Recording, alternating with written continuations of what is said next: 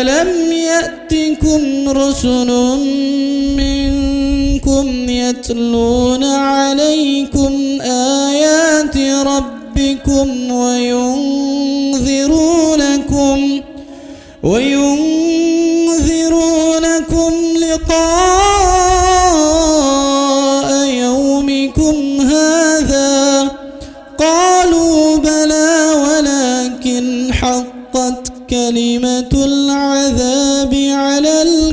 الكافرين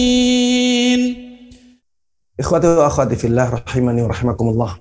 Sebelum masuk ke tema inti, saya ingin mengingatkan diri ana sendiri, begitu pula kepada antum dan antuna sekalian, bahwa tidak terasa bulan Ramadan tinggal sepertiganya. Tidak terasa dua per tiga bulan ini sudah berlalu.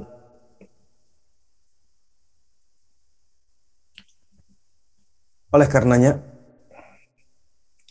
marilah kita terus berusaha untuk meningkatkan amalan ibadah kita di bulan ini. Terutama di sepertiga terakhirnya. Jangan sampai kita di sepertiga terakhir ini lebih malas daripada di dua per tiga awalnya. Kita harus lebih giat. Kita harus lebih semangat dalam melakukan amal-amal kebaikan. Yang paling menentukan dari amalan-amalan kita di bulan Ramadan adalah amalan-amalan kita di sepertiga terakhirnya. Marilah kita semangat untuk misalnya melakukan i'tikaf di sepertiga terakhir bulan ini. Kalau misalnya kita di pagi harinya atau di siang harinya masih disibukkan dengan kerja, karena itu tuntutan dalam kehidupan kita, maka paling tidak kita punya target untuk ya tikaf di malam harinya. Agar kita bisa mendapatkan keutamaan malam Lailatul Qadar dengan lebih baik. Dan mudah-mudahan Allah Subhanahu wa taala menjadikan kita semuanya orang-orang yang mendapatkan taufiknya bisa menggunakan waktu sebaik-baiknya di sepertiga bulan terakhir. Di sepertiga akhir dari bulan Ramadan ini untuk melakukan amal-amal ketaatan kepada Allah Subhanahu wa taala dan kita mendapatkan taufiknya untuk mendapatkan keutamaan malam Lailatul Qadar dengan sebaik-baiknya. Amin amin ya rabbal alamin. Ikhwati wa akhwati fillah rahimani wa rahimakumullah. Tema kita pada kesempatan kali ini tema yang sangat penting untuk kita bahas dan kita ketahui.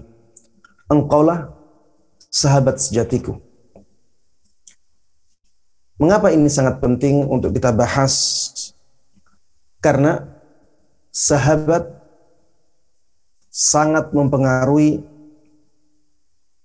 kehidupan kita. Sahabat sangat besar pengaruhnya dalam kehidupan kita. Terutama sahabat dekat. Dan sesuatu yang sangat mempengaruhi kehidupan kita itu sangat penting untuk kita mengetahui tentangnya. Sesuatu yang sangat besar pengaruhnya dalam kehidupan kita itu sangat penting untuk kita ketahui. Kalau misalnya ada sesuatu yang sangat membahayakan kita, maka sangat penting bagi kita untuk mengetahui sesuatu itu. Begitu pula sebaliknya. Apabila ada sesuatu yang sangat besar manfaatnya bagi kita, maka kita sangat membutuhkan pengetahuan tentang itu. Sahabat dalam kehidupan kita juga demikian. Sangat besar sekali pengaruhnya. Baik dalam pengaruh baik atau dalam pengaruh buruk. Dan menjadi sangat penting, ya tema ini menjadi sangat penting lagi ketika di zaman kita ini banyak sekali orang-orang yang salah dalam memilih teman dekat.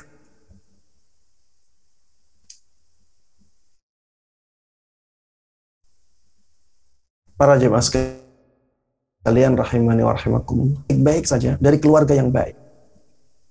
Tapi akhirnya berbalik 180 derajat. Keluarganya keluarga yang mulia. Tapi dia menjadi orang-orang yang menjadi orang yang benar-benar jauh dari agama. Benar-benar kalah dengan hawa nafsunya. Karena sahabat dekatnya. Karena lingkungannya.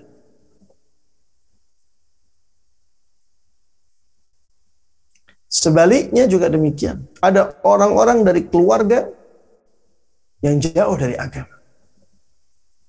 Tapi menjadi orang yang saleh, orang yang baik, orang yang mulia. Karena teman-temannya juga demikian. Maka para jemaah sekalian rahimani wa rahimakumullah.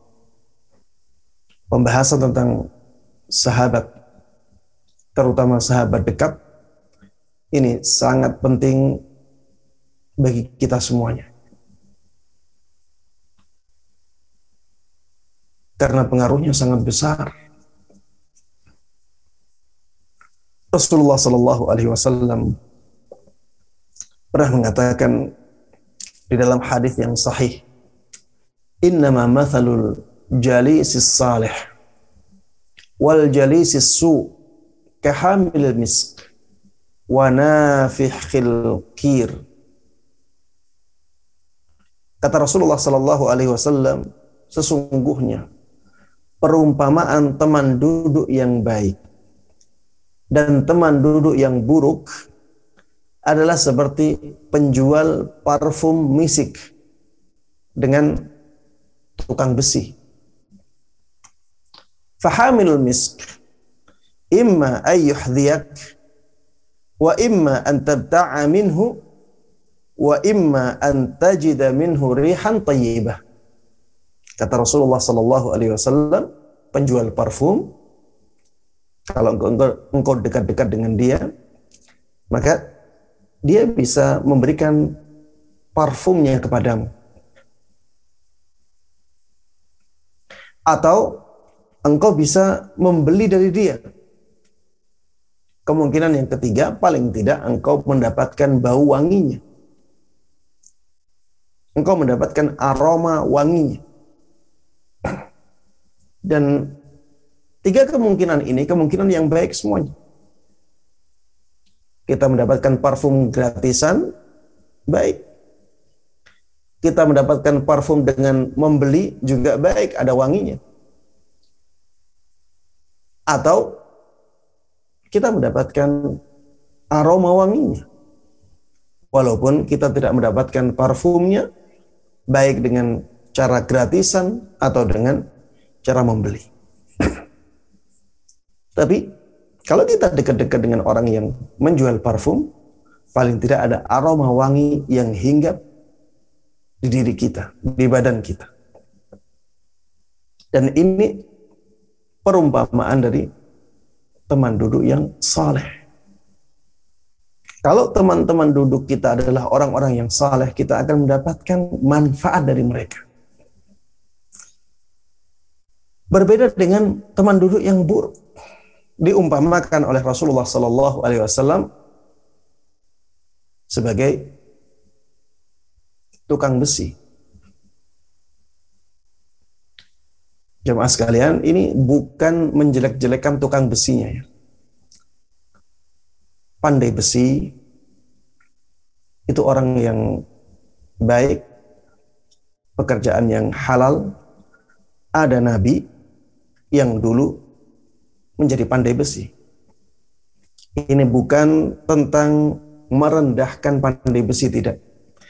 Tapi mengambil sisi dari pandai besi untuk perumpamaan. Ada sisi dari pandai besi yang sama dengan teman duduk yang buruk.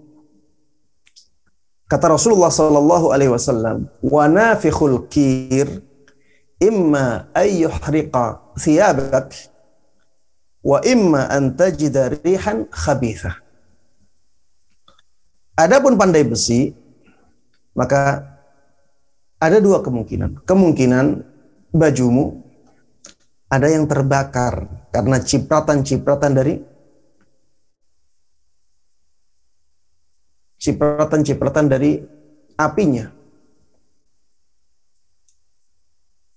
Kemungkinan yang kedua, engkau akan mendapati aroma atau bau yang tidak sedap. Bau gosong, bau kebakar, atau bau karena keringat panas ya. Inilah kemungkinan dari orang-orang yang duduk dekat dengan pandai besi. Dan seperti itulah orang yang bersahabat dengan orang-orang yang tidak baik. Akan ada efek buruknya. Dan ini sangat terlihat dalam kehidupan kita. Kehidupan yang kita rasakan.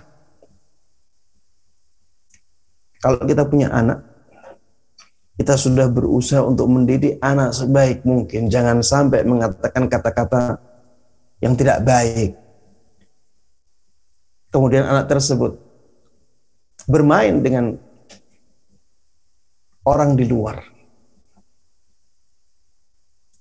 Dan anak-anak yang lain terbiasa mengucapkan kata-kata kotor kata-kata yang tidak sopan, kata-kata yang jorok. Maka anak yang tadinya tidak kita ajari dengan sesuatu yang tidak baik akan membawa sesuatu yang tidak baik ke rumah kita. Itulah contoh dari teman yang tidak baik. Ini contoh dari pengaruh teman yang tidak baik, pengaruh lingkungan yang tidak baik. Sangat terlihat dan sangat kita rasakan. Kita juga punya teman-teman yang demikian. Ada yang dulunya sangat baik sekali. Dulunya sangat rajin ibadah. Dulunya sangat dekat dengan agama. Tapi sekarang menjadi terbalik 180 derajat karena teman-teman. Ada yang sebaliknya. Dari teman-teman kita sendiri. yang dulunya jauh dari agama, ya dulunya nakal. Tapi menjadi orang-orang yang sekarang taat beragama. Kalau kita lihat yang membedakan mereka atau yang menjadikan mereka berbeda, menjadikan mereka berubah adalah teman-teman mereka. Makanya tidak heran Rasulullah Shallallahu Alaihi Wasallam mengaitkan antara teman dekat dengan agama seseorang. Kata Rasulullah Shallallahu Alaihi Wasallam, "Ar-rajulu ala dini khalili." Seseorang itu berada di atas agama teman dekatnya. Seseorang itu berada di atas agama teman dekatnya. Falyanzur ahadukum man.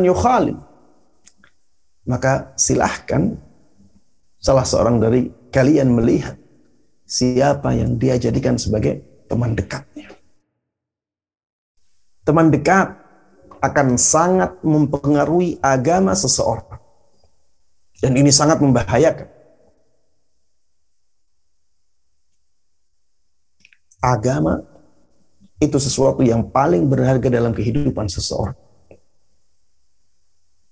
Sesuatu yang paling berharga dalam kehidupan kita adalah agama kita. Karena dengan itulah kita bisa meraih surga Allah Subhanahu wa taala. Kemuliaan yang abadi selama-lamanya. Ketika sesuatu yang paling berharga dalam kehidupan kita ini dikaitkan atau dihubungkan atau digantungkan kepada teman dekat maka ini menunjukkan betapa bahayanya teman dekat.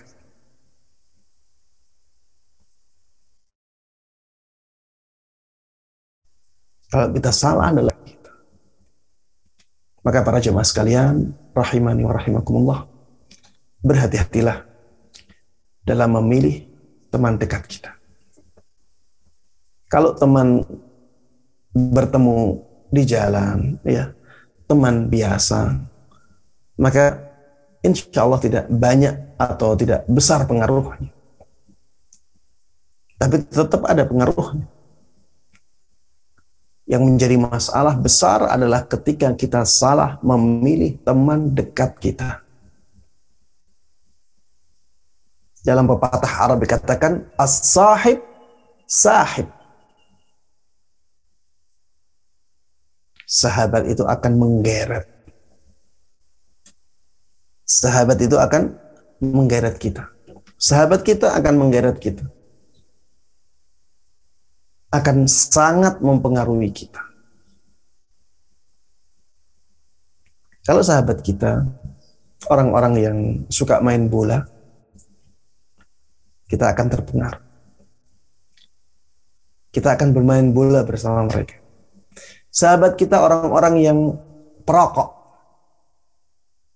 kita akan terpengaruh untuk merokok bersama mereka. Sahabat kita peminum, kita juga akan terpengaruh. Sahabat kita pezina, kita akan terpengaruh. Sahabat kita suka goes, kita akan ikut-ikutan. Begitu pula dengan keadaan-keadaan yang baik. Sahabat kita selalu pergi ke majelis taklim, kita akan terobsesi, kita akan terpengaruh kita akan menjadi semangat untuk pergi ke majelis ta'lim. Sahabat kita suka dengan murattal. Bacaan-bacaan ayat Al-Quran kita juga akan terpengaruh. Sahabat kita menjauhi musik, kita juga akan punya semangat untuk itu. Sahabat kita semangat ibadah, kita akan semangat ibadah. Seperti itu seterusnya. As-sahib, sahib. Sahabat itu akan menggeret sahabatnya. Ikhwati wa akhwati fillah rahimani wa rahimakumullah. Siapa yang pantas untuk kita jadikan sebagai sahabat sejati kita? Siapakah sahabat sejati kita? Maka para jemaah sekalian rahimani wa rahimakumullah, ada ciri-ciri yang bisa kita lihat pada sahabat-sahabat kita yang dengannya kita akan tahu siapa sahabat sejati kita. Yang pertama, sahabat sejati kita adalah dia yang selalu mengingatkan. Bukan yang selalu menyenangkan. Sahabat kita adalah dia yang selalu mengingatkan. Bukan orang atau teman kita yang selalu menyenangkan kita. yang menjadikan kita lalai kata sebuah pepatah dalam bahasa Arab sadiquka man sadaqak la man saddaqak. Ya. Sadiquka man sadaqak la man saddaqak. Yang artinya sahabat sejatimu adalah orang yang jujur kepadamu. Bukan orang yang selalu membenarkanmu. Sahabat sejatimu adalah orang yang jujur kepadamu. Jujur maksudnya adalah dia benar-benar ingin kebaikan untukmu. Bukan orang yang selalu membenarkan apa pun yang engkau lakukan. Asal Anda senang. Atau dalam bahasa kita, ya, asal Bapak senang. ABS. Kalau ada di antara sahabat-sahabat kita yang selalu membenarkan langkah kita agar kita senang, maka itu bukan sahabat sejati. Sahabat sejati adalah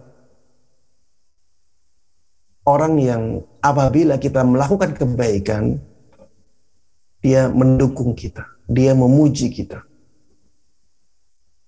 Dia memberikan semangat kepada kita untuk melakukan kebaikan itu. Dia mengapresiasi kita dengan sesuatu sehingga kita menjadi lebih semangat. Kalau kita melakukan keburukan, dia menasehati kita. Jujur dia melakukannya. Dia ikhlas, dia tulus.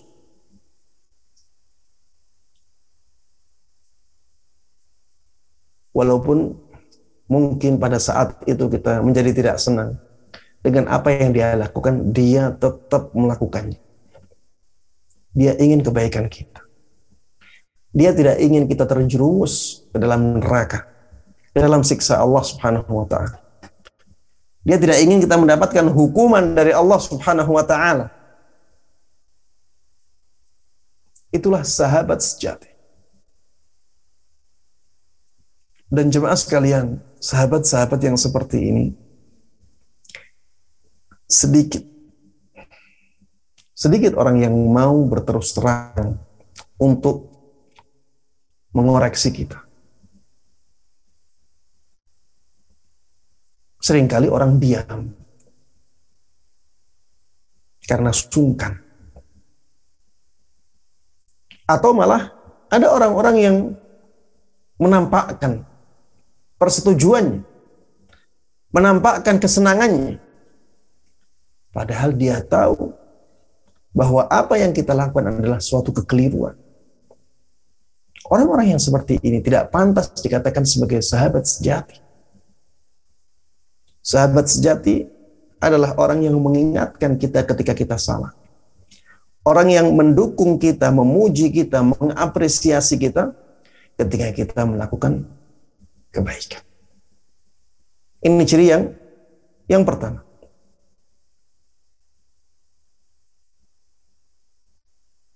Makanya apabila kita dimintai oleh teman untuk memberikan nasihat kepada dia. Jangan sampai kita sungkan menyampaikan nasihat. Karena itu bentuk kasih sayang kita kepada dia.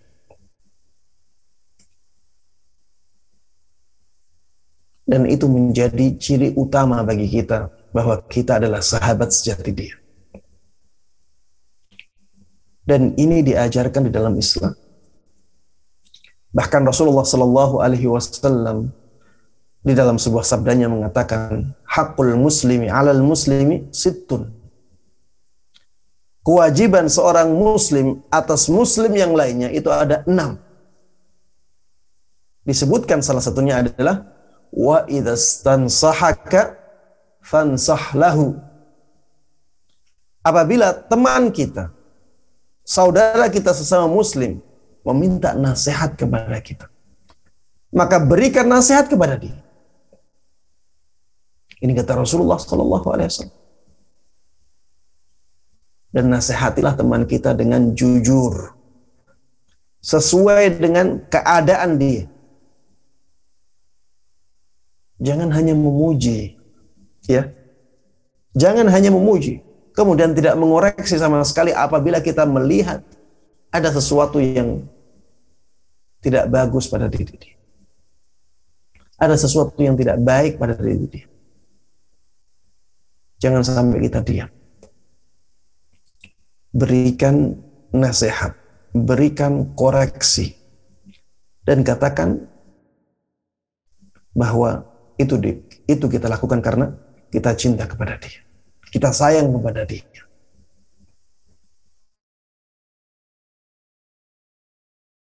Memang ada kan nasihat. Ada cara-cara yang tidak baik dalam menyampaikan nasihat. Kita pilih cara yang paling baik. Ya. Kita kita pilih cara yang paling baik. Ya.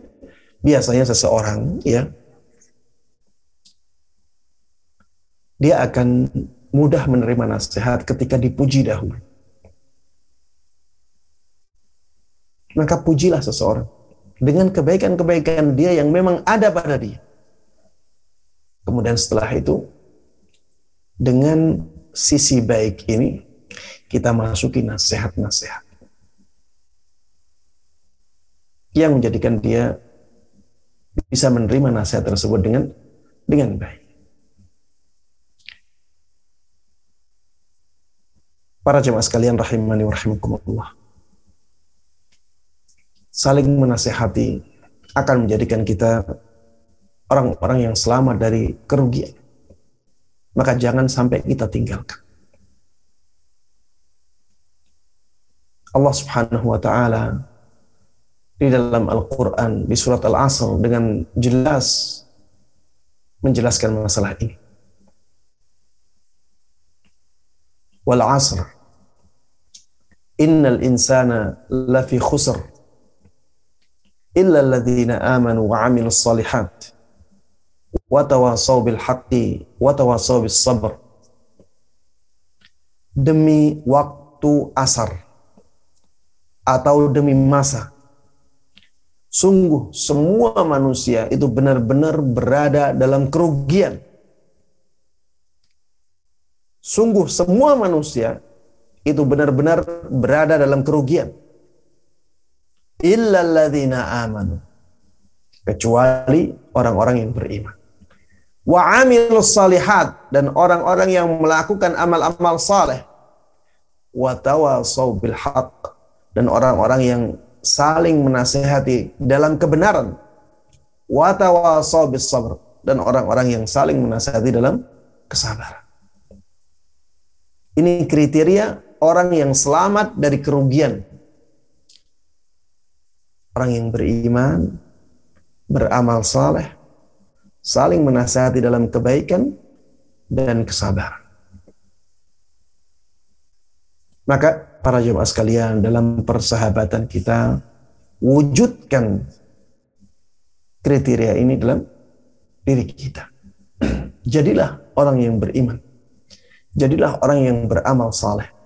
Jadilah orang yang saling menasihati dalam kebenaran, dalam kebaikan dan saling menasihati dalam kesabaran. Ikhwati wa akhwati fillah rahimani wa rahimakumullah. Siapakah teman sejati kita? Kriteria yang kedua adalah dia yang bertakwa kepada Allah Subhanahu wa taala. Sahabat sejati kita adalah sahabat kita yang bertakwa. Karena sahabat itulah yang nantinya akan menjadi sahabat abadi kita. Sahabat-sahabat kita yang bertakwa, mereka itulah yang menjadi yang nantinya akan menjadi sahabat abadi kita.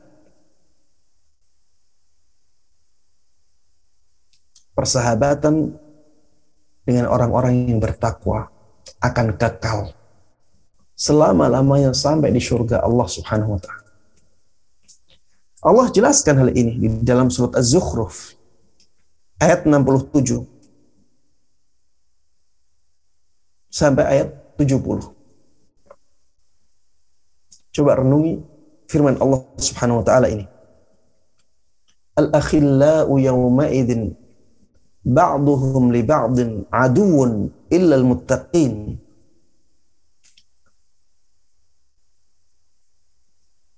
Teman-teman dekat itu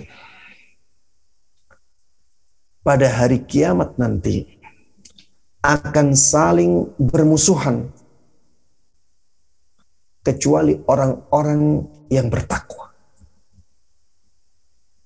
Saya ulangi. Teman debat, teman-teman dekat itu atau sahabat-sahabat dekat itu.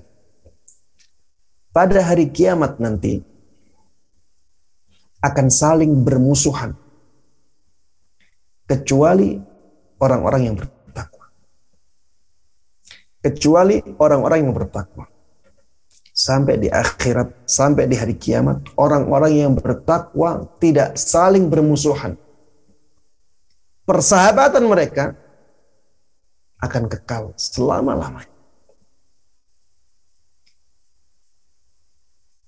Ya ibadillah khawfun alaikum al-yawm wala antum tahzanun.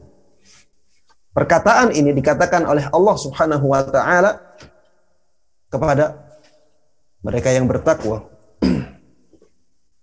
Wahai hambaku, tidak ada ketakutan sedikit pun atas kalian pada hari ini. Dan kalian tidak akan bersedih selama-lamanya. Allah katakan ini kepada orang-orang yang bertakwa. Wahai hamba-hambaku, tidak ada sedikit pun ketakutan atas kalian pada hari ini dan kalian selama-lamanya tidak akan bersedih. Alladzina amanu bi ayatina wa kanu muslimin, yaitu orang-orang yang beriman dengan ayat-ayat kami, beriman kepada ayat-ayat kami, dan dahulu mereka orang yang berserah diri. Udkhulul jannata antum wa azwajukum tuhbar masuklah kalian semuanya ke dalam surga. Kalian bersama istri-istri kalian. Dan kalian di sana akan diberikan kenikmatan. Kalian di sana akan dibahagiakan. Lihat para jemaah sekalian. Allah Subhanahu wa taala di sini sedang menjelaskan tentang teman-teman dekat yang mereka bertakwa kepada Allah Subhanahu wa taala. Mereka akan dimasukkan ke dalam surga bersama istri-istri mereka dan mereka akan dibahagiakan oleh Allah Subhanahu wa taala. Bahkan para jemaah sekalian rahimani wa rahimakumullah. Teman-teman dekat, sahabat-sahabat dekat kita bisa jadi nantinya akan memberikan syafaat kepada kita. Disebutkan dalam hadis yang sahih riwayat Bukhari Muslim. Setelah kaum mukminin masuk ke dalam surga, mereka mempunyai banyak sekali permintaan-permintaan kepada Allah Subhanahu wa taala. Setelah mereka sampai ke surga Allah Subhanahu wa taala, mereka banyak sekali meminta permintaan-permintaan kepada Allah Subhanahu wa taala. Dan di antara permintaan mereka, ya, mereka mengatakan, "Rabbana ikhwanana kanu yusalluna ma'ana wa yasumuna ma'ana wa ya'maluna ma'ana." Wahai Rabb kami, di mana teman-teman kami? Di mana saudara-saudara kami? Yang dulu sholat bersama kami, dulu berpuasa bersama kami, dulu beramal kebaikan bersama kami. Kok sekarang tidak ada di surga? Kenapa mereka tidak bersama kami? Wahai Rabb kami. Ini di antara permintaan ahli surga. Mereka menanyakan saudara-saudara mereka. yang mereka ingat tentunya. Dan biasanya yang diingat oleh kita adalah teman-teman kita. Yang biasanya diingat oleh seseorang adalah sahabat-sahabatnya, terutama sahabat dekat. Yang dulu ketika berpuasa bareng-bareng, ketika sholat bareng-bareng, ketika ada kegiatan-kegiatan yang baik bareng-bareng. Itu yang diingat oleh ahli syurga. Dan inilah sahabat dekat. Maka Allah Subhanahu wa taala mengatakan kepada mereka, "Idhabu faman wajadtum fi qalbihi mithqala dinarin min iman fa akhrijuhu."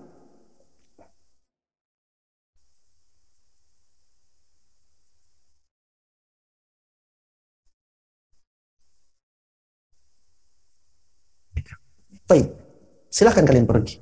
Pergilah kalian ke neraka. Kata Allah Subhanahu wa taala, pergilah kalian ke neraka.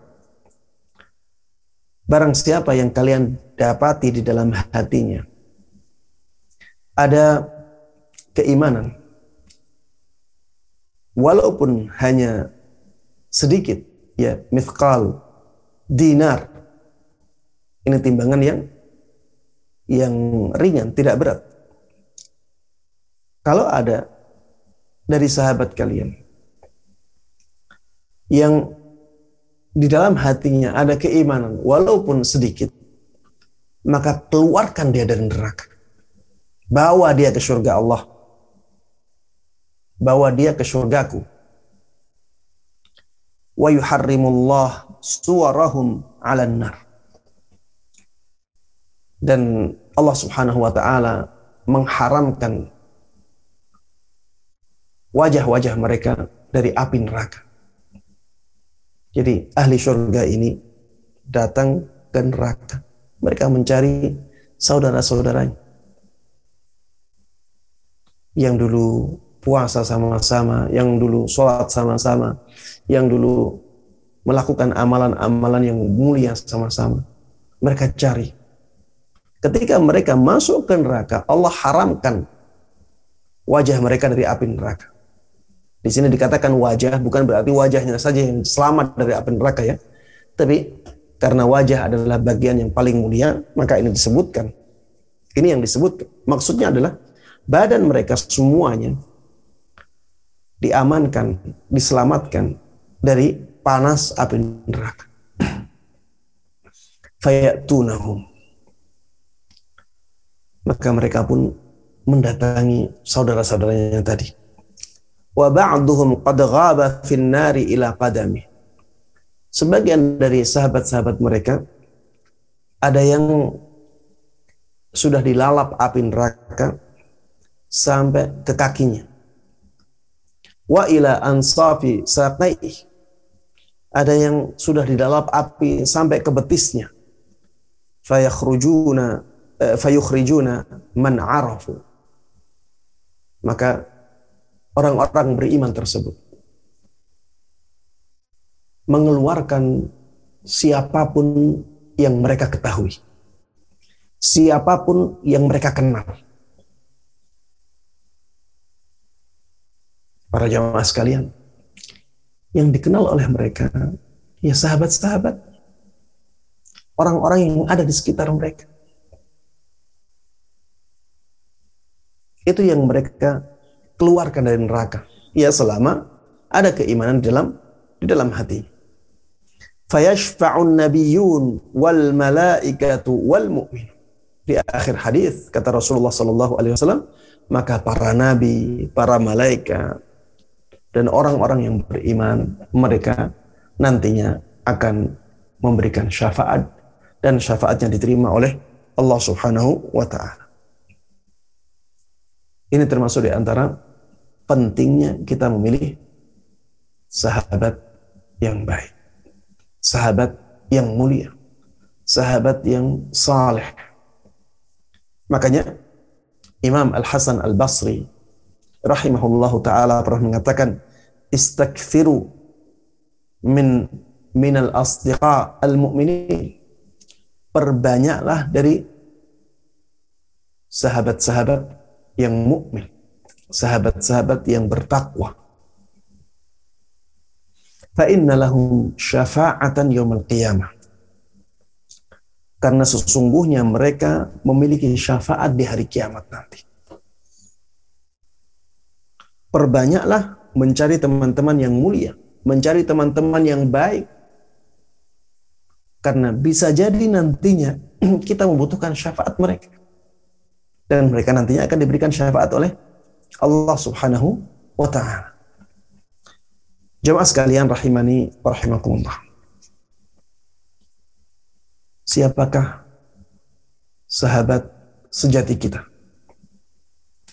Kriteria yang ketiga adalah dia yang mencintai kita karena Allah. Sahabat sejati kita di antara kriterianya adalah dia yang mencintai kita karena Allah. Bukan karena harta kita, Bukan karena wajah kita, ketampanan kita. Bukan karena kita pinter main bola. Bukan karena kedudukan kita.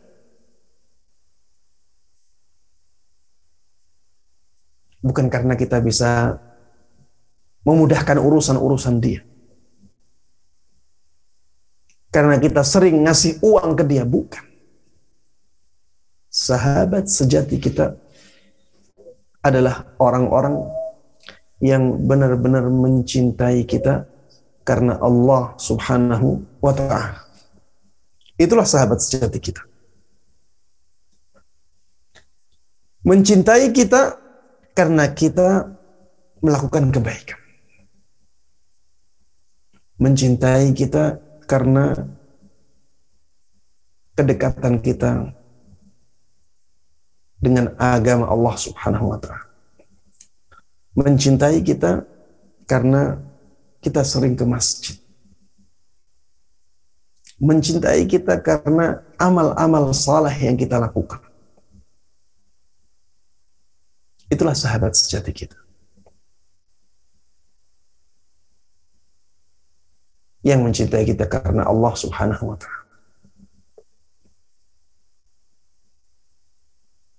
Dan orang-orang yang demikian, para jamaah sekalian, akan diberikan naungan istimewa oleh Allah Subhanahu wa taala. Sebagaimana Rasulullah Shallallahu alaihi wasallam sabdakan di dalam hadisnya yang sangat masyhur riwayat Bukhari Muslim. Sab'atun fi illa ada tujuh golongan yang nantinya akan mendapatkan naungan dari Allah Subhanahu wa taala. Di hari tidak ada naungan sedikit pun kecuali naungan Allah Subhanahu wa taala. Di antara mereka warajulani tahabba fillah ijtama'a alaihi wa tafarraqa alaihi dua orang yang saling mencintai karena Allah. Keduanya bertemu karena Allah dan berpisah pun karena Allah Subhanahu wa taala. Lihat jemaah sekalian, saling mencintai karena Allah. Dan lihat keadaan ketika mereka mendapatkan naungan dari Allah di hari kiamat. Ketika matahari didekatkan oleh Allah Subhanahu wa taala hingga jaraknya tinggal satu mil.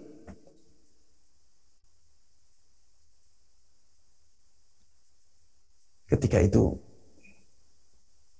keadaan sangat menegangkan. Ketika itu orang-orang merasakan panas yang sangat dahsyat. Orang-orang sudah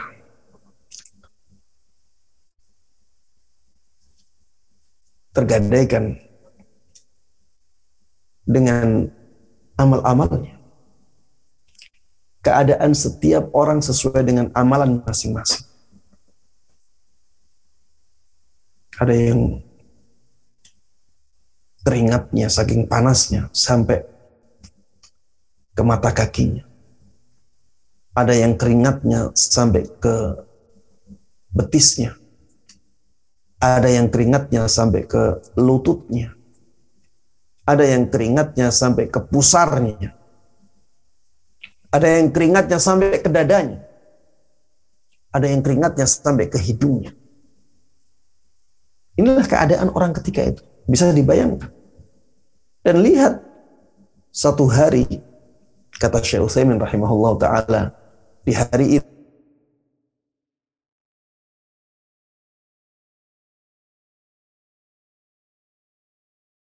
itu satu harinya itu seribu tahun. Bisa dibayangkan para jemaah sekalian.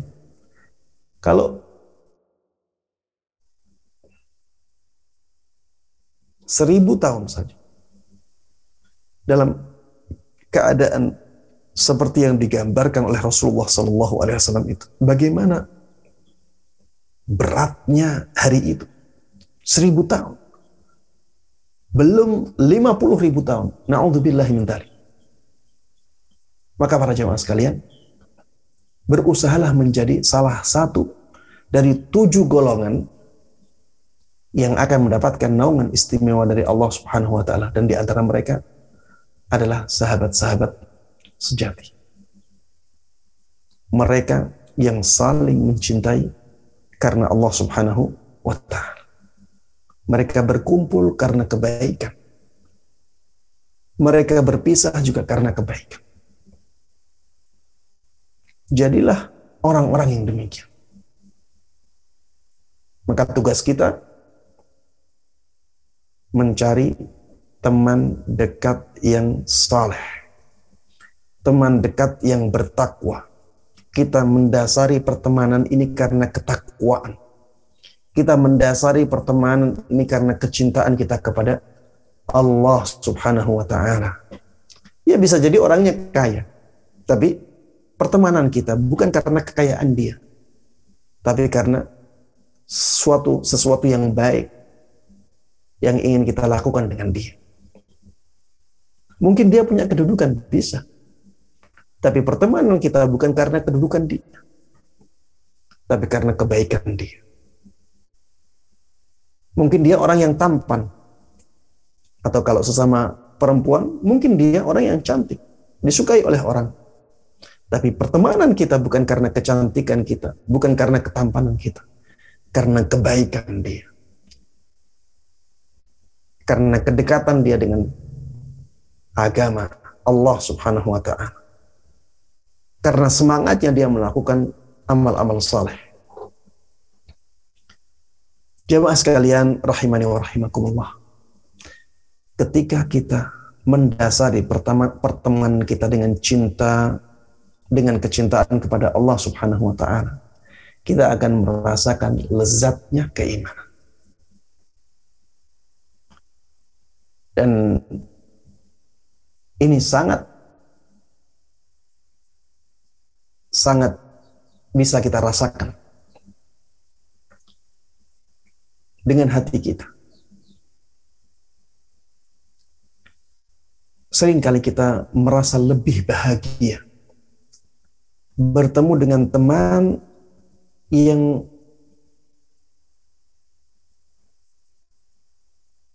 ikatannya adalah ikatan agama. Ikatan amal soleh.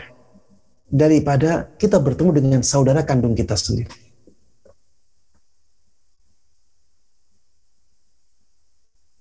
Seringkali kita merasakan demikian.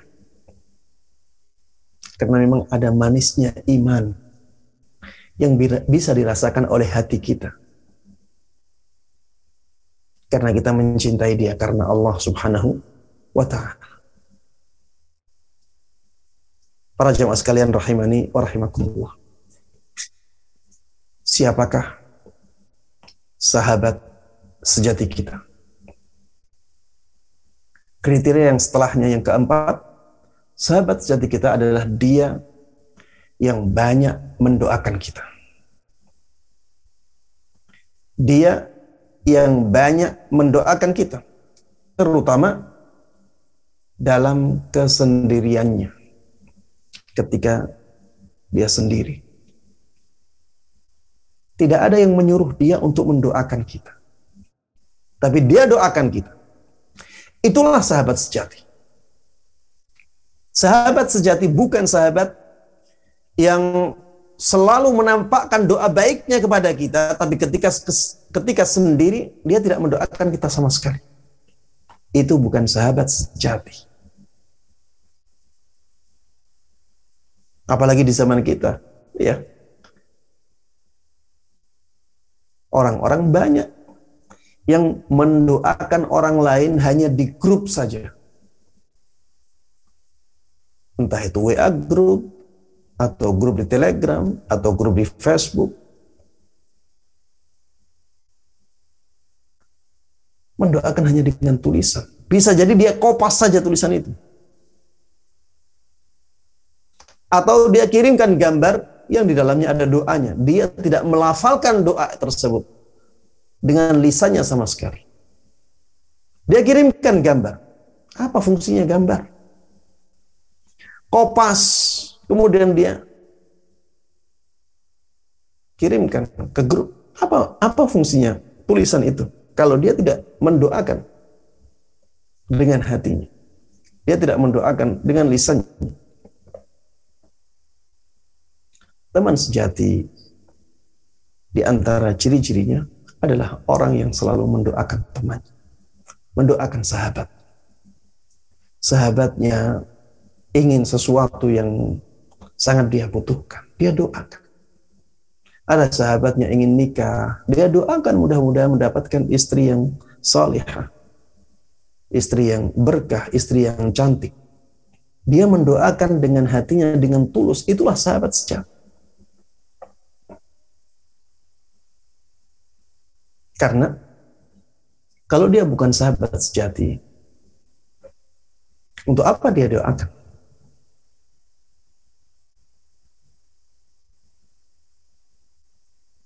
banyak dari orang-orang yang tidak mendoakan orang lain sama sekali. Atau bahkan dia hasad dengan kebaikan yang ada di temannya. Jangankan mendoakan temannya dapat kebaikan saja dia, dia tidak senang padahal bukan dari jalan dia kebaikan itu datang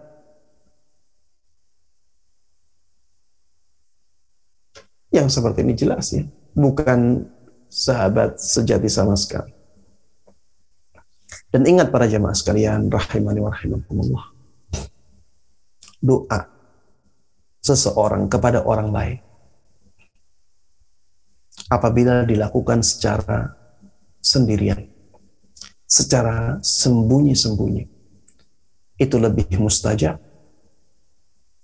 Kata Rasulullah Sallallahu Alaihi Wasallam, da'watul mar'il muslimi li akhihi bi dhahril ghaibi mustajabah.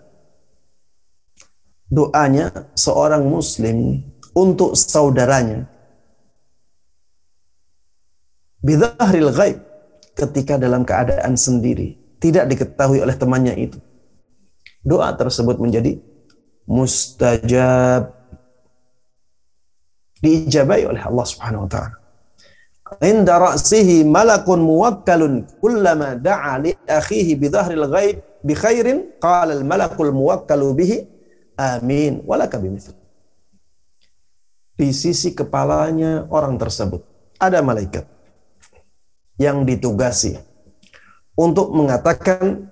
amin walaka bimithil ketika dia mendoakan kebaikan untuk saudaranya itu. Jadi Walak amin walak bimithal itu artinya ya Allah ijabahi doanya dia dan mudah-mudahan engkau mendapatkan hal yang serupa dengan apa yang engkau dengan apa yang engkau sebutkan dalam doa itu untuk saudara. Jadi ketika kita mendoakan orang lain, mendoakan saudara kita, mendoakan teman dekat kita, tapi ingat, secara sembunyi-sembunyi doa ini tidak diketahui oleh dia. yang mengetahui kita. Ya. Doa apabila dilakukan seperti ini, maka doa yang seperti ini menjadi sangat mustajab. Dan tidak hanya sangat mustajab, akan mendatangkan manfaat kepada kita dengan manfaat yang besar. Kita mendoakan kemudahan urusan teman kita, malaikat yang Allah tugasi untuk berdoa akan mendoakan untuk kita dengan doa yang sama. Kalau kita ingin ya dimudahkan urusan-urusan kita, maka doakan teman-teman kita mudah-mudahan dimudahkan urusan. Kita akan mendapatkan doanya malaikat yang bertugas itu. Dia berdoa, mudah-mudahan Allah memudahkan urusan kita.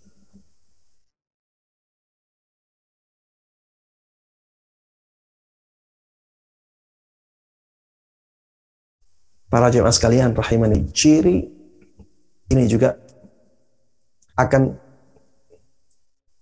mendatangkan manfaat yang sangat besar dalam kehidupan kita. Kemudian kriteria yang kelima, ini yang terakhir para jemaah sekalian, teman sejati atau sahabat sejati adalah dia yang selalu dekat dengan kita. Dia yang selalu dekat dengan kita. Baik saat kita senang maupun saat kita sedang malang. Dia selalu membantu kita. Itulah ciri dari sahabat sejati. Bukan orang-orang yang dekat dengan kita ketika kita lapang, ketika kita mudah. Kalau kita terkena musibah, mereka lari semua. Nama-nama yang ada di HP tidak terlihat lagi. Padahal namanya ribuan. Mereka lari karena kita mendapatkan musibah. Teman sejati tidak demikian. Teman sejati selalu berada di dekat kita. Dan ini sedikit. Makanya lihat para jemaah sekalian, terutama ketika kita mendapatkan musibah ketika kita mendapatkan musibah. Orang-orang yang masih dekat dengan kita, itulah teman sejati kita. Orang-orang yang masih ingin membantu kita, itulah teman sejati kita.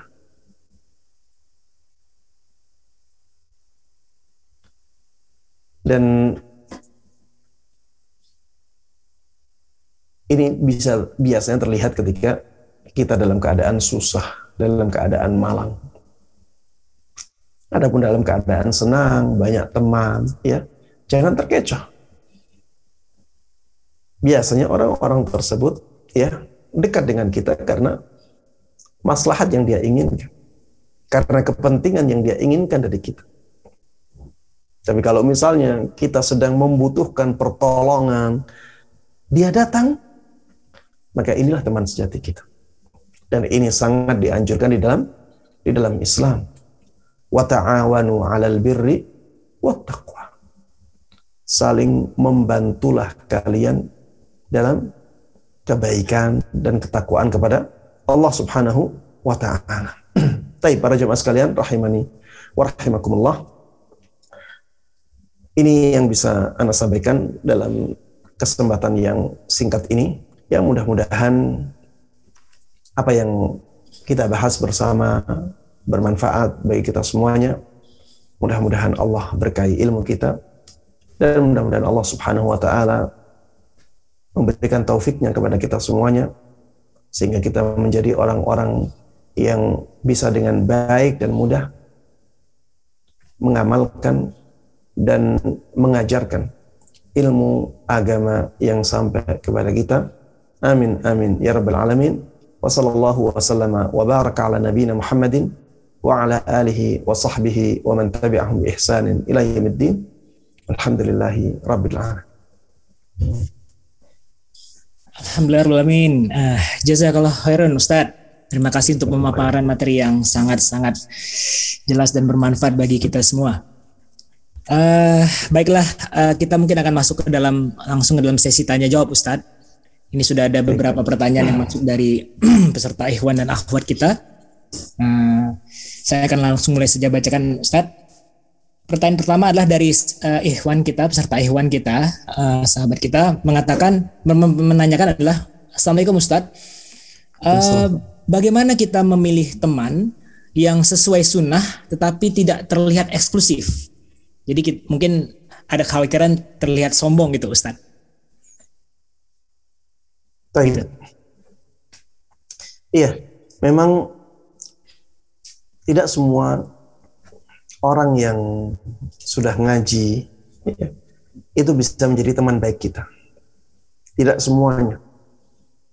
Karena memang yang pertama ya setiap dari kita itu punya karakteristik tertentu punya karakteristik yang khusus. Dan itu akan mempengaruhi pertemanan kita, mempengaruhi persahabatan kita. Kita cocok dengan orang tertentu, ya. Memang fitrahnya manusia seperti itu.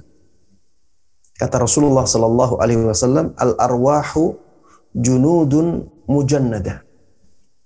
Ruh atau jiwa-jiwa kita itu seperti tentara yang dibariskan. Fama ta'alafa minha iktalaf wa ma tanakara minha tanafar.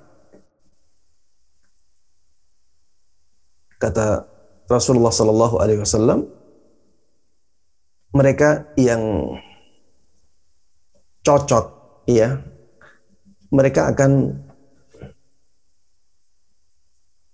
bersatu atau saling berdekatan. Mereka yang tidak cocok ya akan saling berjauhan. Memang ada sisi ini ya, ada sisi ini sehingga kita mencari teman-teman yang sesuai dengan karakteristik kita. Agar eh, yang pertama ya kita tidak tersakiti ya. Eh, kita bisa ngeklik kata kata orang sekarang yang kita bisa ngeklik ya cocok bisa cocok dari sisi eh, kepribadian ya dari sisi kejiwaan psikologi tapi yang bisa membantu kita untuk bersemangat dalam kebaikan. Adapun kata-kata eksklusif tadi, saya tidak uh, tahu apa maksudnya, apakah dia berpenampilan khusus, ataukah dia terlalu jaim ya jaga image, uh, sehingga kelihatan sombong. ya untuk orang-orang yang sombong, kalau kita kita lihat dia sombong, ya jangan jangan didekati. Karena itu juga akan mempengaruhi kepribadian kita. Jangan di, ya jangan dijadikan sebagai teman dekat ya orang yang terlihat terlihat sombong. Kecuali kalau misalnya dia terlihat sombong padahal sebenarnya tidak. Ada orang-orang yang demikian ya.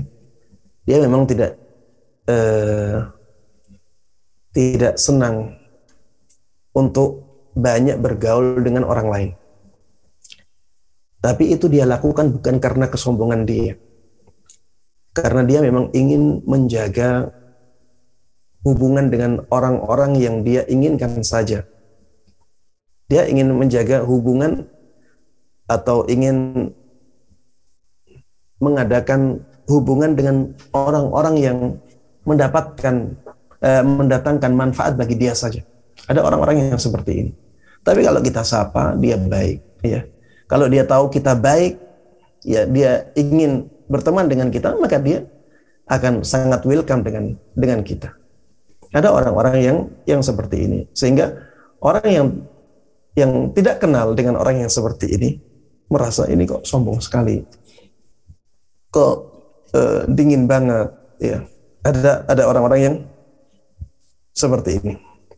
Ya intinya ketika kita memilih teman ya, ketika kita memilih teman, maka yang pertama ya ketakwaan tadi. Takwanya baik, takwanya tinggi. Ini sangat cocok untuk kita jadikan sebagai sebagai teman. Kemudian sisi akhlaknya, akhlaknya benar-benar ya baik, ya tidak sombong, ya tidak eh, kasar kepada orang lain, kemudian eh, punya sifat merendah, ya eh, amanah. Kemudian sifat yang ketiga atau eh, yang bisa kita lihat ya dari teman-teman dekat kita adalah orang yang bisa mempengaruhi kita untuk melakukan kebaikan. Ya. Dia bisa mempengaruhi kita untuk melakukan kebaikan. Sehingga kita ber, ketika berteman dengan dia ya, ya, kita menjadi semakin baik. Itu yang kita kita harapkan dari pertemanan ini. Allahu a'lam. Nah, Ustaz. Uh, jazakallah Ustaz. Baik, kita uh, lanjut ke pertanyaan berikutnya Ustaz. Ini ada mungkin beberapa pertanyaan yang mirip nih dari para ahwat kita Ustaz. Jadi saya bacakan sebagian karena mirip. Assalamualaikum Ustaz, mohon izin bertanya. Apakah sudah gugur kewajiban seorang muslim yang sudah menyampaikan nasihat tapi tetap saja hal yang salah itu dilakukan oleh sahabat atau kerabat kita atau perlu kita ulang-ulang kembali sampai uh, sahabat kita itu berubah? Begitu Ustaz. Baik, uh, ini pertanyaan seperti ini bisa berbeda ya situasi dan kondisinya. Bisa berbeda situasi dan kondisinya. Yang penting kita sudah sampaikan nasihat kita. Ini yang pertama. kita sudah sampaikan nasihat kita. Kemudian apabila dalam keadaan-keadaan tertentu, kalau kita ulang nasihat kita, akan mendatangkan mudarat yang lebih besar, maka sudah cukup dengan yang pertama tadi. Sudah cukup dengan yang pertama tadi. Tapi kalau misalnya dalam keadaan tertentu ada kesempatan bagi kita untuk mengulangi pesan itu lagi, maka kita punya kewajiban untuk mengulanginya lagi.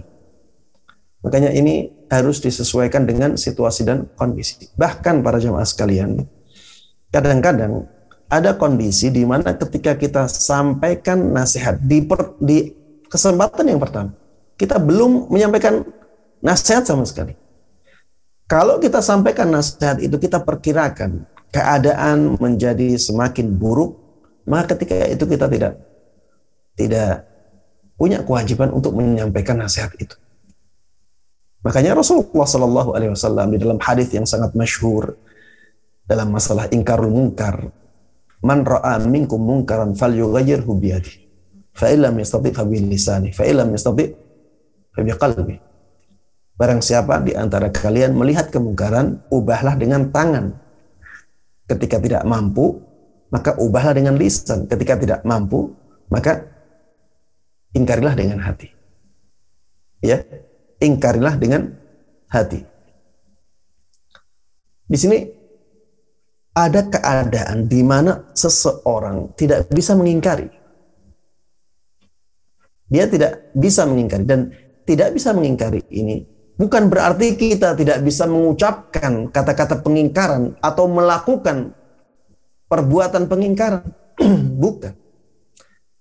Bukan hanya itu saja. Bisa jadi Ketidakmampuan itu disebabkan karena keadaan kalau kita ingkari, maka kemungkaran akan datang lebih dahsyat. Akan ada kemungkaran yang lebih besar. Maka yang seperti ini juga tidak perlu kita ingkari. Kita ingkari dengan hati kita saja. Ya ini saya uh, ulangi, ya sesuai dengan situasi dan kondisi. Tapi kalau sudah pernah melakukan uh, atau menyampaikan uh, nasihat atau pengingkaran, maka tentu ini lebih lebih ringan lagi keadaannya. Lebih ringan lagi keadaannya karena dia pernah menyampaikan pengingkaran itu.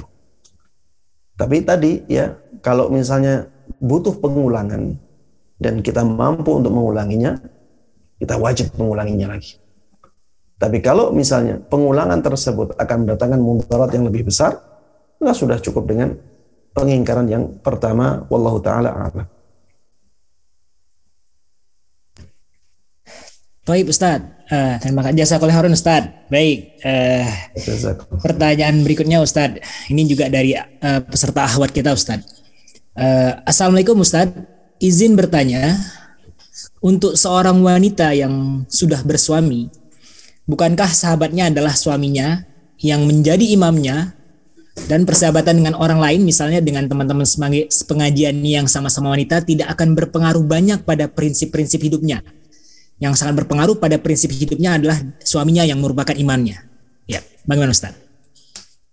Iya, seorang suami bisa jadi menjadi teman atau sahabat sejati dia. Bisa jadi tidak. Seorang suami bisa jadi menjadi sahabat sejati istrinya. Bisa jadi tidak demikian. Karena kriteria-kriteria sahabat sejati tadi bisa jadi tidak ada pada suaminya. Misalnya dia tidak bertakwa kepada Allah Subhanahu wa taala. Dia tidak bertakwa kepada Allah Subhanahu wa taala. Dia tidak bisa menjadi sahabat sejati istrinya. Misalnya ya dia selalu membenarkan apa yang dilakukan oleh istri. Ini juga bukan berarti dia bukan sahabat sejati dia tidak sering mendoakan istrinya. Tidak menjadi sahabat sejati istri. Ya. Kriteria-kriteria tadi ya kalau ada pada suami, maka suami akan menjadi sahabat sejati istri. Akan menjadi sahabat abadi istrinya sampai di hari kiamat nanti. Namun jelas ya suami akan banyak pengaruhnya terhadap istri. Dia akan jelas itu adalah teman dekatnya. Kalau teman dekat jelas. Suami adalah teman dekatnya istrinya karena selalu berada di sampingnya. Selalu berada di lingkungan dia. Itu jelas teman dekat dan jelas akan besar pengaruhnya terhadap terhadap istri. Begitu pula istri akan besar pengaruhnya terhadap terhadap suami karena memang kedekatan ini. Tapi kalau dikatakan sahabat sejati belum tentu. Allahu a'lam. Baik Ustaz. Baik, kita lanjut ke pertanyaan berikutnya Ustaz. Ini juga dari peserta ahwat kita Ustaz. Ya. Uh, Bismillahirrahmanirrahim. Assalamualaikum Ustaz. Waalaikumsalam. Uh, ini dia memberikan dua pertanyaan. Bagaimana batasan toleransi kita terhadap sahabat yang melakukan maksiat atau futur? Dan yang kedua, di dalam ilmu psikologi kita dianjurkan untuk curhat kepada sahabat, misalnya saat menghadapi ujian hidup. Sedangkan di dalam syariat tidak dianjurkan berkeluh kesah kepada sesama manusia. Bagaimana sikap terbaik kita, Ustadz? Jazakallah khairan, Ustadz. Baik. Masalah berkeluh kesah ya, berkeluh kesah kepada manusia ini tidak terlarang secara mutlak. Tidak terlarang secara secara mutlak. Ada curhat yang dibolehkan. Ya. Ada curhat yang dibolehkan, yaitu curhat yang tidak bertentangan dengan nilai-nilai syariat. Berkeluh kesah dengan manusia menjadi tidak baik ketika seseorang berkeluh kesah kepada orang yang tidak bisa mengubah apa yang ada dalam kehidupan dia, apa yang dia hadapi. Dia berkeluh kesah kepada semua orang. Ini sesuatu yang tidak baik. Ini bertentangan dengan syariat. berkeluh kesah di FB misalnya, di beranda, semua orang membacanya. Ini jelas tidak baik. Berkeluh kesah di depan banyak orang. Ya. Ada majelis dia berkeluh kesah di situ padahal tidak semua orang tadi ya itu bisa mengubah keadaan dia atau bisa membantu dia. Berbeda ya kalau berkeluh kesahnya kepada orang tertentu yang dia anggap orang ini bisa membantu dia. Maka berkeluh kesah seperti ini tidak ada masalah ya. Tidak ada masalah. Bahkan di dalam penjelasan para ulama termasuk di antara ghibah yang dibolehkan adalah dikatakan mutadhallim. Orang yang dizalimi oleh orang lain, kemudian dia adukan permasalahan itu kepada seseorang yang dia anggap orang tersebut bisa membantu dia. Ini ketika dia mengadukan permasalahannya kepada orang lain dan ini jelas akan ghibah dia jelas akan menyebutkan keburukan-keburukan orang yang menzalimi dia. Ini kan berkeluh kesah juga. Tapi nyatanya dibolehkan oleh para ulama ya. Maka para jamaah sekalian tidak semua berkeluh kesah kepada manusia itu dilarang. Ya jangan kita uh, menggeneralkan mengeneralkan uh, masalah atau hukum tertentu. Jangan sampai berkeluh kesah kepada manusia semuanya buruk. Ya tidak seperti itu. Ada berkeluh kesah yang tidak bertentangan dengan dengan syariat. Ya seperti yang saya sebutkan tadi. Ketika kita berkeluh kesah kepada orang tertentu dan kita anggap orang tersebut bisa membantu kita. Berkeluh kesah seperti ini tidak tidak bertentangan dengan dengan syariat wallahu taala a'lam. Uh, kemudian yang pertama tadi adalah pertanyaan yang pertama uh, bagaimana batas bagaimana batas toleransi uh, Baik. Uh, kepersahabatan batas toleransi Baik. terhadap kesalahan teman ya, ya ketika teman melakukan kesalahan maka kita biarkan Ya toleransi maksudnya adalah kita biarkan dia melakukan kesalahannya. Kita biarkan dia melakukan kesalahan ketika kita sudah mengingatkannya. Ya, kita ingatkan dia dan kita tidak bisa memaksanya. Ingatkan dia ketika melakukan hal tersebut. Kalau dia tidak mendengar peringatan kita, ya kita biarkan. Karena kita tidak bisa memaksa orang lain untuk meninggalkan keburukan atau memaksa orang lain untuk melakukan kebaikan. Toleransi di sini adalah maksud saya membiarkan dia melakukan keburukan. Itu bisa kita lakukan ketika kita sudah mengingkari dia. Ya karena biasanya teman ya itu eh, bisa mengingkari temannya. Bisa mengingatkan temannya Ya sudah, yang menjadi kewajiban kita adalah mengingatkan. Memberikan rasa takut kepada dia. Dengan ancaman-ancaman yang Allah sebutkan, dengan ancaman-ancaman yang Rasulullah Shallallahu Alaihi Wasallam sampaikan, itu yang bisa kita lakukan. Kalau dia melakukan kesalahan, tetap kalah dengan hawa nafsunya misalnya dia, ya kita tidak bisa memaksanya kita hanya orang yang ingin kebaikan untuk teman kita. Jangankan kita ya Rasulullah Shallallahu Alaihi Wasallam tidak bisa memaksa orang lain. Wa ma anta alaihim bijabbar kata Rasulullah kata Allah Subhanahu Wa Taala dalam surat Qaf. Engkau wahai Muhammad tidak bisa memaksa mereka. Wa ma anta alaihim bijabbar. Kemudian di surat Al-Ghashiyah Allah Subhanahu wa taala uh, berfirman, "Lasta 'alaihim bimusaitir engkau wahai Muhammad tidak bisa uh, memaksa mereka. Engkau tidak bisa memaksa mereka sama sekali. Engkau hanya menyampaikan innama anta mudzakkir. Engkau hanyalah orang yang memberikan peringatan saja. Bukan orang yang memaksa. Kita juga demikian ya dengan teman kita.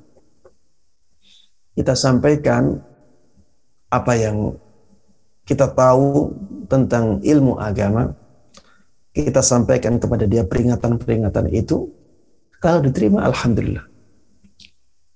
Kalau dia tidak menerimanya karena kalah dengan hawa nafsunya, maka kita Alhamdulillah ya sudah sampai, sudah sampaikan atau sudah lakukan kewajiban kita.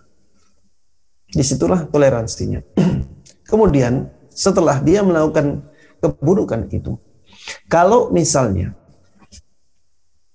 ketika kita boykot, dia bisa menjadi lebih baik, maka kita boykot, kita hajar di sini. Hajar itu boykot, kita putus hubungan dulu. Ini kalau kita perkirakan dengan memutus hubungan dia akan menjadi baik. Tapi kalau kita perkirakan dengan memutus hubungan, dia semakin buruk, maka jangan lakukan ini. Karena syariat hajar atau syariat boykot ini para jemaah sekalian, itu harus dikembalikan kepada maslahat. Dikembalikan kepada manfaat. Apakah manfaatnya lebih besar ataukah mudaratnya yang lebih besar? Kalau manfaatnya yang lebih besar, maka lakukan itu. Kalau dalam perkiraan kita mudaratnya lebih besar, jangan lakukan itu. Jangan lakukan itu. Dan kadang-kadang kita juga perlu memaklumi keadaan saudara kita. Mungkin ada yang bertanya, Ustaz, maksiat kok dimaklumi gimana Ustaz?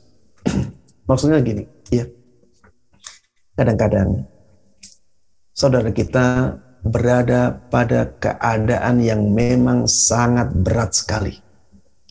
Kalau dia tidak melakukan itu, bisa jadi dia malah terjatuh ke dalam masalah lain yang lebih besar lagi.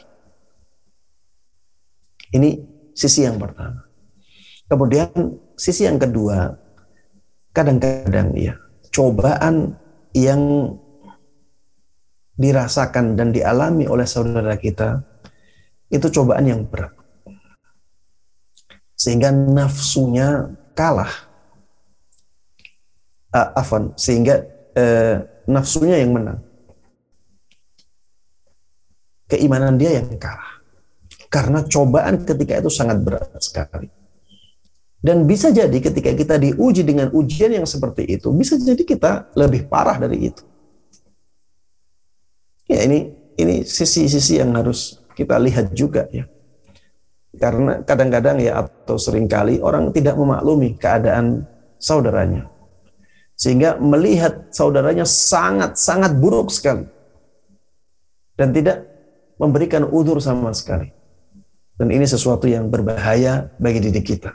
Ya, Bisa jadi nantinya Allah subhanahu wa ta'ala menguji kita dengan ujian yang sama dengan ujian teman kita itu atau bahkan lebih berat. Dan belum tentu kita mampu untuk melawan ujian itu. Makanya para jemaah sekalian rahimani wa rahimakumullah ketika melihat saudara kita yang diuji oleh Allah Subhanahu wa taala dengan ujian-ujian yang menjadikan dia melakukan kemaksiatan, ya jangan merasa aman. Jangan merasa aman. Ya. Kita ingkari dia ketika melakukan keburukan atau ketika akan melakukan keburukan. Namun waspada waspada juga bahwa ujian yang sama bisa menimpa kita dan kita meminta pertolongan kepada Allah Subhanahu wa taala mudah-mudahan Allah menguatkan menguatkan kita wallahu taala Baik, uh, baik Ustaz. Mungkin uh, satu atau dua pertanyaan lagi Ustaz ya. Ya, silakan. Baik Ustaz. Uh, uh, itu pertanyaan berikutnya Ustaz karena ini banyak sekali pertanyaan dari uh, alhamdulillah peserta kita Ustaz. Uh, Pertama kali Ustadz, Assalamualaikum warahmatullahi wabarakatuh Ustadz. Assalamualaikum. Izin bertanya Ustadz, jika persahabatan dengan teman-teman tapi melalui sosial media, apakah itu termasuk kalangan persahabatan yang bertakwa di mana kita tidak mengenali secara fisik dan tidak saling menziarahi Ustadz? Mohon pencerahan Ustadz. Iya, persahabatan dalam dunia maya itu sama dengan persahabatan dalam dunia nyata dari sisi hukumnya juga dari sisi pengaruhnya. Tapi mungkin dalam dunia nyata pengaruhnya lebih terlihat dan lebih kuat. Ya, yang ya, umumnya keadaannya seperti itu. Persahabatan di dunia nyata itu pengaruhnya lebih kuat ya dan eh, akan eh, memberikan efek yang jauh lebih besar. Berbeda dengan persahabatan di dunia maya. Tapi dari sisi hukumnya sama. Maksudnya di dunia maya kita juga tidak boleh bersahabat dengan orang-orang yang buruk. Karena itu bisa mempengaruhi keadaan kita. Misalnya ya di FB yang eh, saya tahu, saya mengalami ya kalau kita bersahabat dengan teman-teman yang baik, maka yang keluar di beranda kita pesan-pesan kebaikan. Kalau kita bersahabat dengan orang-orang yang tidak baik, yang keluar di beranda kita juga pesan-pesan yang tidak baik. Dan itu akan mempengaruhi kehidupan kita ya itu akan mempengaruhi kehidupan kita. Coba kalau yang keluar di beranda kita adalah misalnya ajakan-ajakan untuk melakukan hal-hal yang tidak baik. Setiap hari datang seperti itu. Tidak hanya satu dua orang, tiga orang, empat orang, lima orang keluar di beranda kita. Setiap hari seperti itu. Bukankah akan mempengaruhi hati kita? Bukankah akan mempengaruhi keimanan kita? Berbeda kalau yang keluar di beranda kita adalah pesan-pesan kebaikan. Paling tidak ada satu pesan yang nyantol, yang mengingatkan kita. Ini ya pengaruh dari media sosial. Dalam grup juga demikian. Kalau grupnya adalah teman-teman yang tidak baik, ya, maka keluar dari grup itu. Itu lebih baik. Saya beberapa kali ya, saya beberapa kali dimasukkan ke grup pertemanan anak yang lama. Sahabat-sahabat lama, sebelum anak kenal sunnah, anak selalu minta izin untuk keluar. Afwan, anak tidak bisa ya eh, sama-sama teman-teman yang lama. Kita sampaikan saja. Kita berikan alasan dengan alasan yang bisa diterima oleh mereka. Ini lebih baik daripada kita tetap berada di situ, kita tidak bisa mempengaruhi, justru malah kita terpengaruh. Ini lebih lebih berat. Maka para jemaah sekalian, ya pertemanan, persahabatan di dunia maya itu sama hukumnya dengan pertemanan atau persahabatan di dunia di dunia nyata. Karena dari sisi pengaruh, meskipun beda kadarnya, tapi dia bisa mempengaruhi. Ada pengaruh itu. Kalau teman-teman kita buruk, pengaruhnya juga akan buruk. Teman-teman kita baik, pengaruhnya juga akan akan baik. Ya, wallahu taala ala. Baik Ustaz, uh, mungkin ini yang terakhir Ustaz. Baik. Sedikit uh, ini agak mirip uh, mengenai pandangan Islam mengenai persahabatan.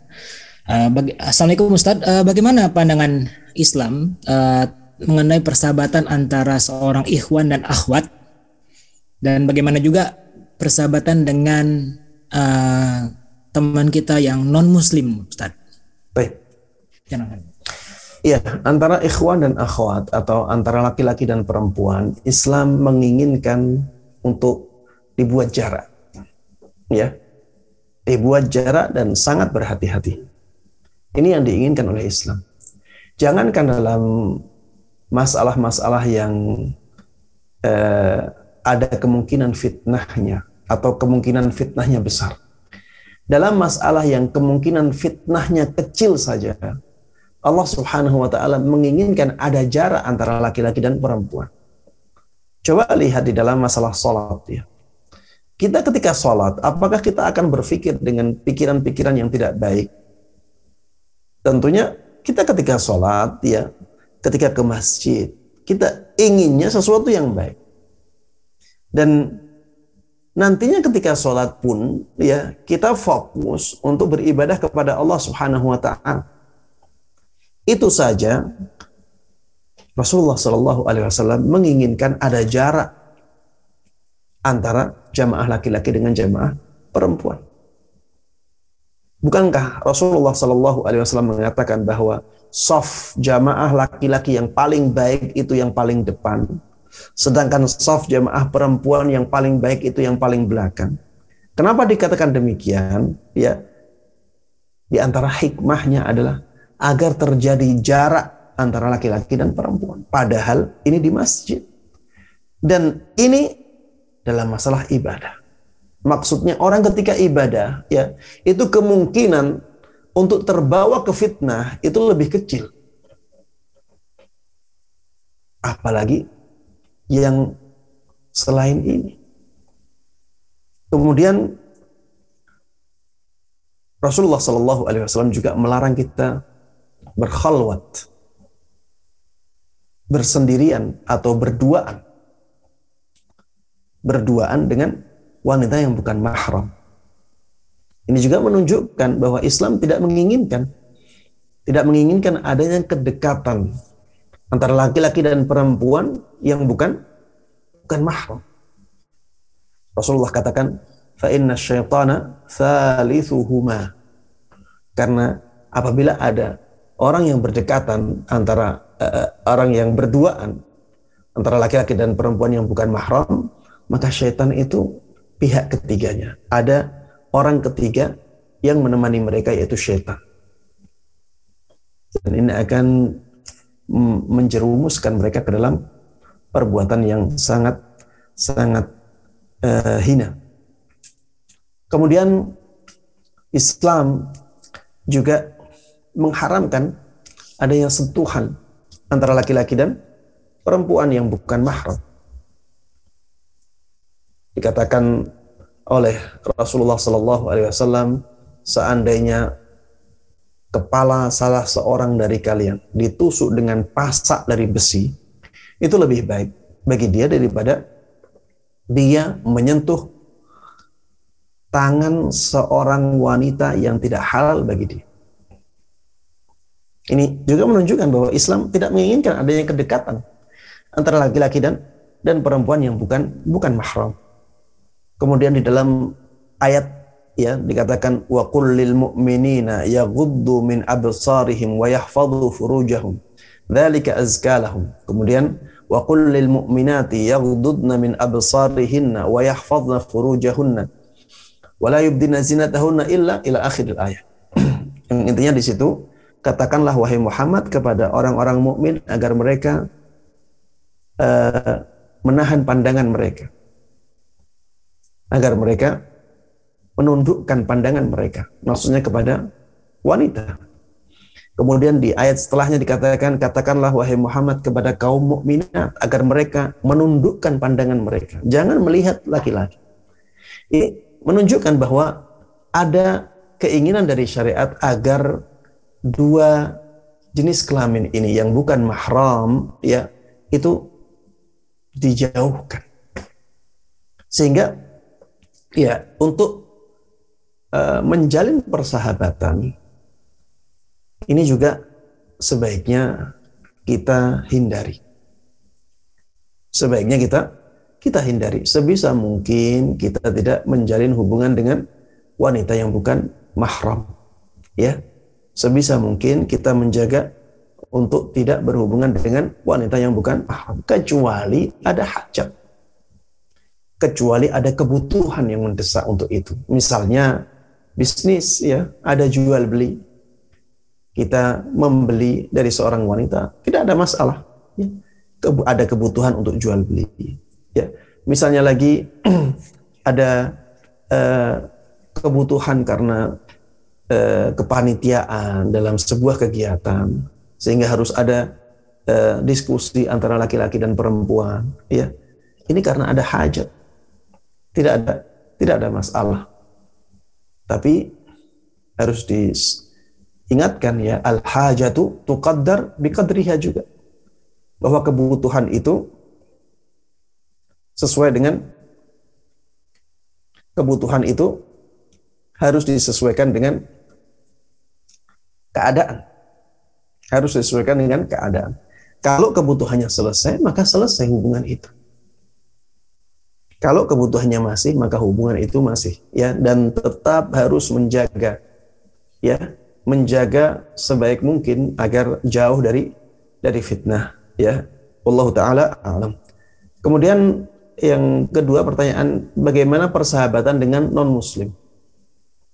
Tapi persahabatan dengan non muslim dibolehkan tidak ada masalah, tapi jangan jadikan sebagai teman dekat misalnya. Jangan juga jadikan sebagai misalnya jangan jadikan sebagai pelindung kita. Ini dilarang dengan tegas oleh Allah Subhanahu wa taala dalam dalam Al-Qur'an, la tattakhidul yahuda wan nasara awliya. Orang-orang yang beriman jangan jadikan orang-orang Yahudi dan orang-orang Nasrani sebagai pelindung kalian, sebagai pemimpin kalian, sebagai teman dekat kalian. Tapi kalau sebagai sahabat biasa, teman ketemu, ya ini tidak ada tidak ada masalah. Kalau misalnya ada masalah dia kita berdiskusi dengan dia, tidak ada masalah ya. Berdiskusi dengan orang-orang non muslim tidak ada masalah. Tapi untuk menjadikannya sebagai teman dekat ini yang tidak dibolehkan. Menjadikannya sebagai pemimpin ini yang tidak boleh. Menjadikannya sebagai pelindung kita ini yang yang tidak boleh ya wallahu taala a'lam Baik Ustaz, jazakallah khairan Ustaz. Jazakum khairan. Uh, jawaban-jawaban pencerahan yang sangat sangat bermanfaat Ustaz. Baik Ustaz, uh, mungkin karena waktu juga uh, kita mungkin sudah sampai pada akhir acara. Ini ada sedikit aja Ustaz dari salah seorang sahabat kita Ustaz. Uh, menyampaikan saja Ustaz. Uh, Bismillah, afwan Ustaz. Anak-anak saya, anak-anak sudah anak ajari sunnah. Dia memelihara jenggot lebat Qadarullah ternyata dia salah teman dan mempelajari ilmu kanuragan. Mohon doanya dari Ustadz, saat ini dia sedang sakit terkena COVID Ustadz. Jadi ada yang mohon doa dari Ustadz Ustadz. Ya, mudah-mudahan Allah Subhanahu wa taala uh, meluruskan pemahaman dia kembali ya. Mudah-mudahan Allah Subhanahu wa taala bawa dia ke jalannya yang lurus dan mudah-mudahan Allah Subhanahu wa taala menyembuhkan penyakitnya dan menjadi pelajaran bagi dia. Ya mudah-mudahan Covid tersebut menjadi uh, pengingat bagi dia. Dan begitu pula saya berdoa dengan doa yang sama untuk uh, semua yang mengalami hal yang sama. Amin amin ya rabbal alamin. Amin amin ya rabbal alamin. Alam ya'tikum rusulun min منكم يتلون عليكم آيات ربكم وينذرونكم وينذرونكم لقاء